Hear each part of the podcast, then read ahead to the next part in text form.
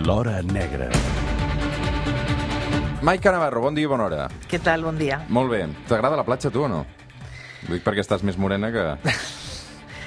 M'agrada, però saps que mm, sóc una mica desastre i, i, i, no, i jo no era conscient de que no es podia portar gossos a la platja.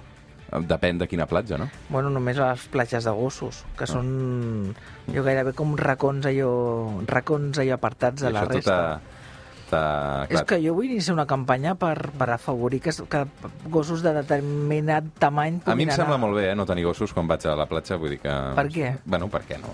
Perquè si m'estic banyant jo no vull tenir un, un Simón allà al costat que... Però si no fa res. Bueno, no fa res, no fa res per tu, però els que tampoc som els millors amics de les mascotes, doncs potser no, no ens ve de gust tenir eh, un, un pastor alemany al costat nedant al costat. Vinga, va! Bé, això de moment és l'Hora Negra amb la Maica Navarro. Avui un Què vol cas... dir de moment? Doncs que això, que segons com, eh, segons com la setmana que ve potser ja no ho és. Eh? Ah, Bàsicament perquè marxem de vacances molt aviat. Ah. Avui el cas d'una desaparició que ja ho avancem no s'ha resolt. Eh? No s'ha resolt i continua oberta. Ens traslladem avui fins a Tarragona la nit del divendres 27 de febrer del 2004.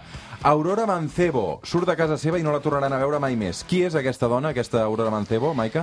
Doncs era una jove que tenia 24 anys i vivia a casa amb, eh, amb els pares. Era una... El seu entorn la qualificava de molt reservada, tímida, tancada en si mateixa i, a més a més, en aquell moment de la seva desaparició encara arrossegava un trastorn que, que l'havia obligat a estar amb, amb tractament psicològic important. Tenia uns antecedents, eh, en aquest cas per, per culpa d'aquests maltractaments Sí. complicats, perquè havia estat víctima de, de maltractament per part de la seva parella, no, Maica? Sí. L'Aurora no havia tingut sort i als 16 anys va començar a sortir amb un noi que bueno, es podria definir com el xulet, el xulo de l'institut, de, de, el xulo. Uh, xulo per ser una, generós. Uh, la maltratava, la menyspreava, la humiliava i fins i tot aquests maltractaments van, van continuar un cop van ta va tallar amb ella. Un dia l'Aurora se'l va trobar amb ell, amb la nòvia uh, actual d'aquell moment, i en, la, en aquella situació la nòvia, la nova parella de, de l'Edgar, que, era que era el nòvio, va clavar una pallissa a l'Aurora. I el nòvio, en comptes d'aturar-la, el que va fer va ser animar a la seva companya d'aquell moment perquè continués pegant a la- a l'Aurora.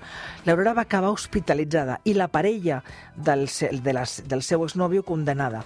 Eh, en qualsevol cas no van entrar mai a la presó i tampoc van pagar mai la indemnització que li pertocava a l'Aurora. Per tant, um, hi ha aquest antecedent d'una dona que ho ha passat malament, um, però al cap d'uns anys uh, semblava que estava molt millor. Tot això va passar prèviament en el moment aquest d'aquesta desaparició, eh? Sí, perquè a més a més un, un, aquests fets van, van marcar molt la vida de, de l'Aurora i tot el que vindria després s'ha d'entendre amb aquest episodi perquè allò li va provocar una por que no li va, mai va aconseguir treure's la por. Es va tancar molt més encara en si mateixa, va deixar d'estudiar eh, i va començar aquest tractament psiquiàtric que bueno, va fer que s'engreixés més de 50 quilos i, en fi, eh, i tot i que havien passat 8 anys d'aquella pallissa, eh, li costava molt aixecar el cap. Mm. Malgrat això, mm, sembla que estava una mica millor, Sí. um, que van trobar també un, un diari personal on ella parlava d'uns àngels de la guarda, no, Maica? Sí, ella apuntava tot el que li passava, una mena de, de diari, i és cert que portava una bona temporada. Havia deixat de fumar, estava buscant feina, havia aconseguit començar a primar-se, i la seva psicòloga fins i tot assegurava que, ostres, que estava més animada i que l'havia començat a, a reduir la, la, el, tractament que, que prenia. Ella parlava i, i li explicava a la psicòloga i també ho notava en el seu diari aquests àngels de la guarda que assegurava que l'estaven ajudant a sortir tot plegat de, de, de, del forat en el que s'havia trobat.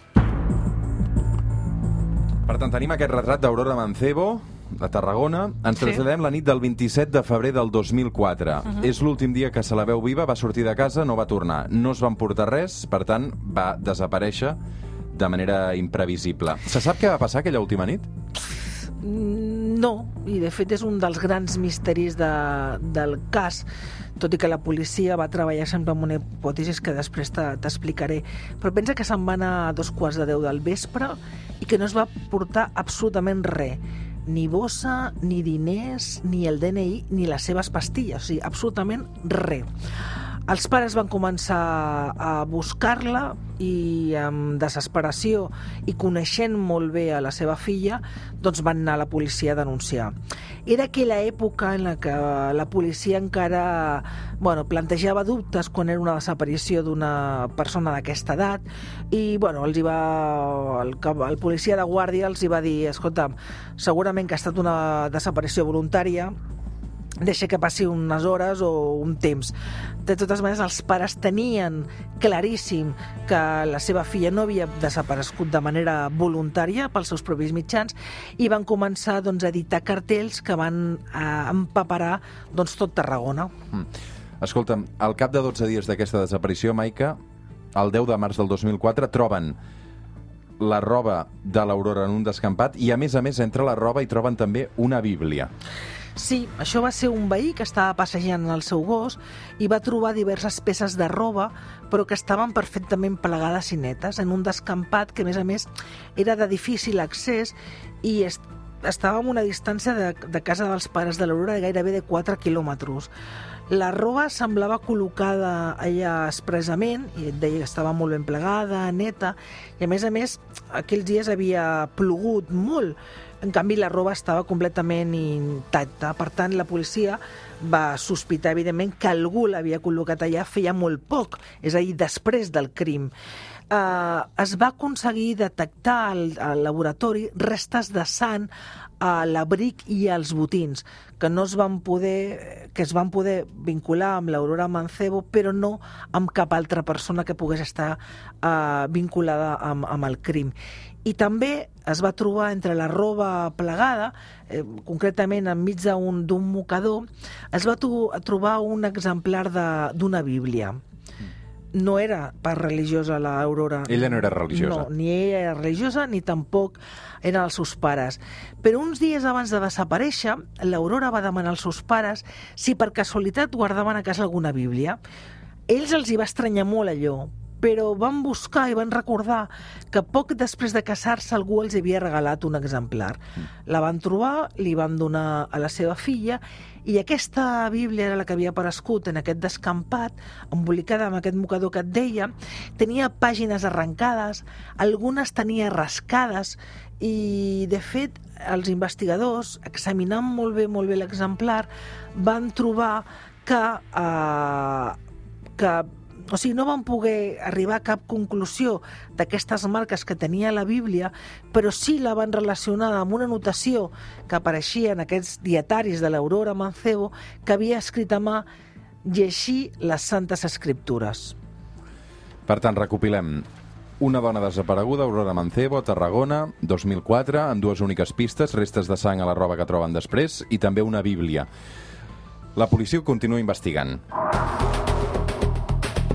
parlen amb l'entorn, el dilluns anterior a la desaparició havia quedat amb un amic. Sí, i era i formava part això d'un comportament bastant estrany. És cert que l'Aurora, pels seus problemes psicològics que arrossegava d'aquest maltractament vuit anys enrere d'aquella primera parella maltractadora i la, i la noia que estava amb ella, amb ell, um, ella havia intensificat aquesta actitud de reserva, de quedar-se sempre a casa, de no sortir, a més a més amb aquest complex que tenia dels quilos que havia guanyat a, eh, per culpa del, del, del, del medicament que havia pres, però en l'última setmana sortia molt sovint i fins i tot de nit, que era una cosa absolutament irregular amb ella. Aquella nit, eh, dies anteriors a la seva desaparició, havia quedat amb un tal Fidel. Aquell Fidel era un amic més gran que ella, que l'Aurora, que li havia fet com de germà gran.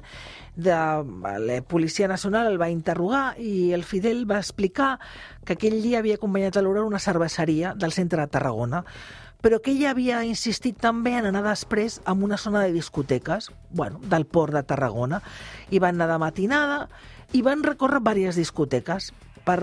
I, de fet, el Fidel li va estranyar, perquè l'hora el que feia era entrar i sortir com si busqués algú però no acabava de, de ser clara l'Aurora amb, amb el Fidel. Al cap d'una estona, una d'aquestes discoteques, l'Aurora li explica al Fidel que marxi cap a casa, que estigui tranquil, que havia conegut un noi que ja l'havia trobat, que l'estava buscant, i que es quedaria amb aquest amic que ja l'acompanyaria després a casa. Al Fidel no li va agradar allò, i com coneixia l'Aurora i, i, i les seves debilitats, es va quedar al voltant de la discoteca i va estar allà com uns 20 minuts i va veure que l'Aurora parlava amb un noi força estona. Ja es va quedar més tranquil, va pensar que aquest era l'amic del que feia referència a l'Aurora i ja va marxar cap a casa i els va deixar sols. Mm. Sabem quina relació hi havia entre aquestes persones o no, Maica?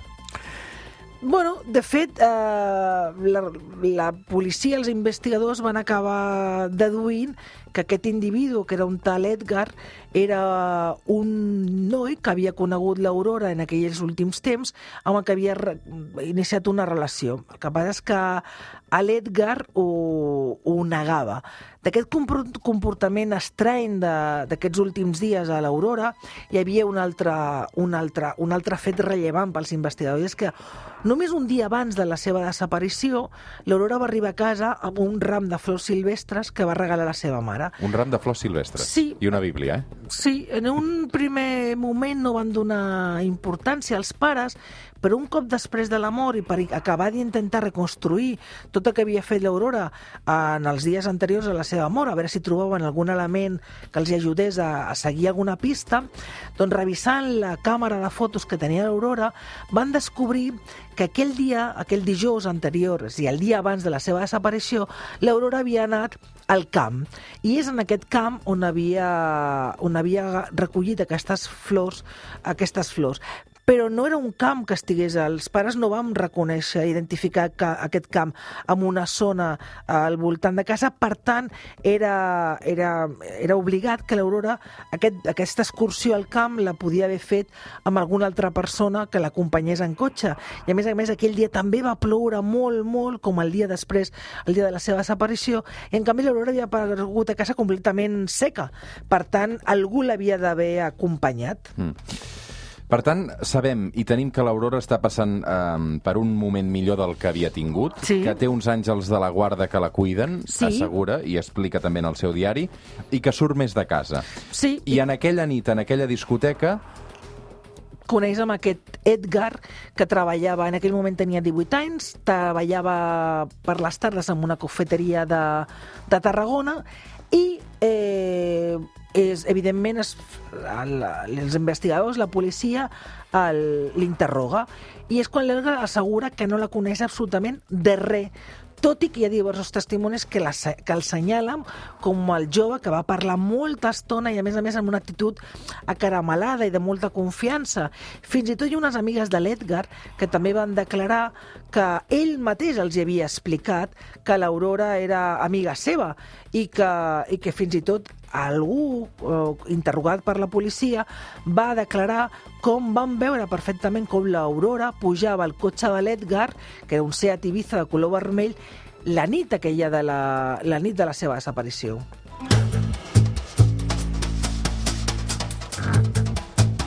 Per tant, la policia ja es fixa amb l'Edgar com a principal sospitós d'aquesta desaparició.